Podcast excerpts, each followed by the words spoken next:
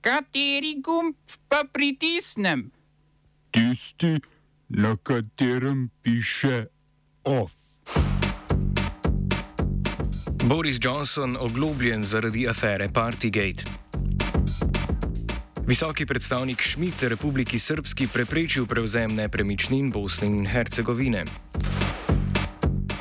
Ukrajinske oblasti aretirale proruskega politika Viktorja Medvedčuka.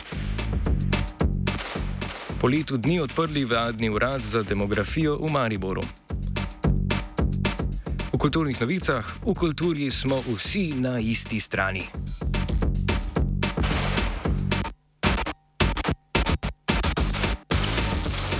Britanskega premijeja Borisa Johnsona in finančnega ministra Rishija Sunaka je doletela denarna kazen zaradi afere Partygate. Gre za zabave, ki so se jih udeleževali in ki so jih prirejali člani konzervativne stranke in premijevega kabineta v času strogih ukrepov zaradi novega koronavirusa. Policija od januarja preizkuje 12 zabav, ki so potekale na sedežu vlade na Downing Streetu in v vladni četrti Whitehall. Zaradi afere Partygate je bilo skupno izdanih že več kot 50 glob, ki večinoma znašajo 60 evrov.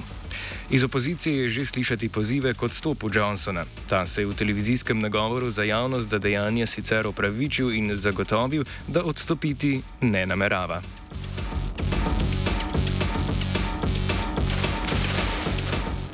Republikanski guverner ameriške zvezdne države Oklahoma Kevin Steed je podpisal zakon o prepovedi splava, ki umetno prekinitev nosečnosti dovoljuje zgolj, če je ogroženo življenje nosečnice.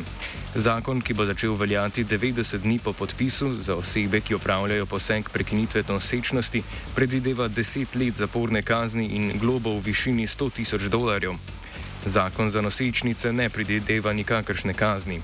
Zagovorniki pravice do splava opozarjajo, da je zakon neustaven in da bo padel na ustavnem sodišču Zvezdne države Oklahoma, kar velja tudi za podobna zakona predlagana v Arkansasu in Alabami.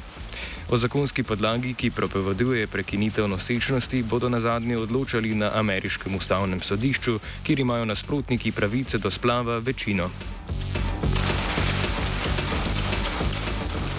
Kijevu se v zadnjih dneh vrstijo mnogi obiski evropskih voditeljev.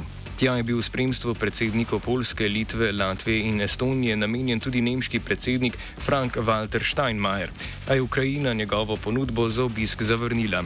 Ukrajinske oblasti nemškemu predsedniku zamerijo, da je podpiral plinovod Severni tok 2, ki bi potekal med Rusijo in Nemčijo, a so bila dela zaradi ruske invazije zaustavljena. Zamere izhajajo tudi iz časa, ko je Steinmeier upravljal naloge zunaj, zunanjega ministra v vladi Angele Merkel, saj je takrat spodbujal dialog z Moskvo. V Kijevu so nakazali, da bi, da bi jim veliko bolj ustrezal obisk nemškega kanclerja Olafa Šolca. Steinmeier je sicer med obiskom v Varšavi priznal, da je bil pristop zbliževanja z Vladimirjem Putinom napačen, Polski in drugim sosedam Ukrajine pa je obljubil pomoč pri reševanju begunske krize. Ukrajinske oblasti so aretirale proruskega opozicijskega voditelja Viktorja Medvedčuka, ki se je v zadnjih desetletjih uveljavil kot eden najpomembnejših ukrajinskih političnih vplivnežev in Putinov prijatelj. Če bi ruska invazija na Ukrajino uspelo, uspela, bi po trditvah ukrajinskih provladnih politikov Medvedčukova stranka Platforma za življenje lahko sestavila vlado, ki bi se ravnala po ukazih Putina. Delovanje te stranke je ukrajinski predsednik Zelenski pred tremi tedni prepovedal. Sodišče je Medvedčuku odredilo hišni pripor zaradi nepravilnosti pri pridobivanju nafte in plina v Črnem morju ter podpiranja teroristične organizacije, ki je pomagal z dobavo premoga. Medvedčuk je v hišnem priporu vse od lanskega maja, na begu pa vse od 27. februarja. Po parlamentarnih in lokalnih volitvah v Srbiji, ki so potekale 3. aprila, končni izid volitev v Beograjski občinski svet še vedno ni znan. Vladajoče večine v Beogradu tako ne more oblikovati nobena politična stran. V 110-članski skupščini sta 55 glasov osvojili tako stranka Aleksandra Vučiča SNS kot opozicija. Dragan Džilas iz največje opozicijske stranke, stranka Svobode in pravica, pravice, je prepričan, da so edina rešitev ponovne volitve. Del opozicije je sicer v številnih beograjskih občinah prejel večino, zato pričakujemo vzpostavitev začasnih organov. Džilas pa upa, da bodo volitve v Beogradu do konca leta ponovili.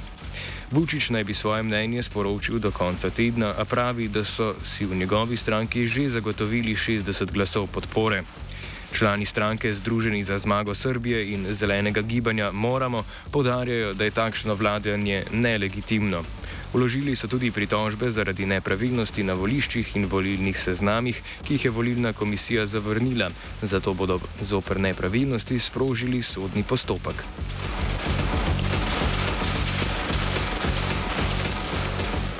Visoki predstavnik mednarodne skupnosti za Bosno in Hercegovino Kristjan Schmidt je razveljavil zakon, ki bi oblastem Republike Srpske omogočil prevzem nepremičnin v lastni Bosne in Hercegovine. Schmidt je zakon razveljavil, saj je ta v nasprotju z odločitvami Ustavnega sodišča Bosne in Hercegovine.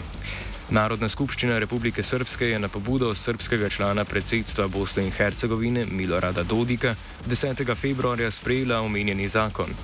Z njim bi se Republika Srpska razglasila za lastnico nepremičnin na svojem ozemlju. Zakaj je zakon oziroma njegova razveljavitev pomemben za Bosno in Hercegovino, razloži novinarka portala Inforadar Gordana Katana. Zakon o nepokretnoj imovini izuzetno je važan jer zapravo njime se, on je jedan od stubova državnosti Bosne i Hercegovine i svaki pokušaj entiteta da državnu imovinu izuzmu iz njenog vlasništva jeste zapravo i napad na ustavno uređenje ove zemlje. Nažalost, u Republici Srpskoj se tumači da sva imovina koja se nalazi na teritoriju entiteta pripada entitetima i po toj logici stvari zapravo država Bosna i Hercegovina danas nema nikakvu nepokretnost u svome vlasti. Zakon tako po odločitvi Šmita ne bo začel veljati, dokler o njem ne bo odločilo Ustavno sodišče BIH. Njegovo potezo sta podprla tako predsednik predsedstva BIH Šefik Džeferovič kot ministrica za zunanje zadeve Bosne in Hercegovine Bisera Turkovič. Potezo Šmita, ki je tokrat prvič v svojem mandatu izkoristil tako imenovana bonska pooblastila, komentira Katana. Pa mislim da visoki predstavnici već dugo godina nisu koristili bonske ovlasti i da je to rezultiralo uh, jednom potpunom korozijom društva, političkog sistema Bosne i Hercegovine. Naravno, Uh, ako se zalažem za demokratske vrijednosti, onda bi vam kazala trebale bi sve odluke da se u ovoj državi donesu konsenzusom između političkih stranaka, odnosno entiteta.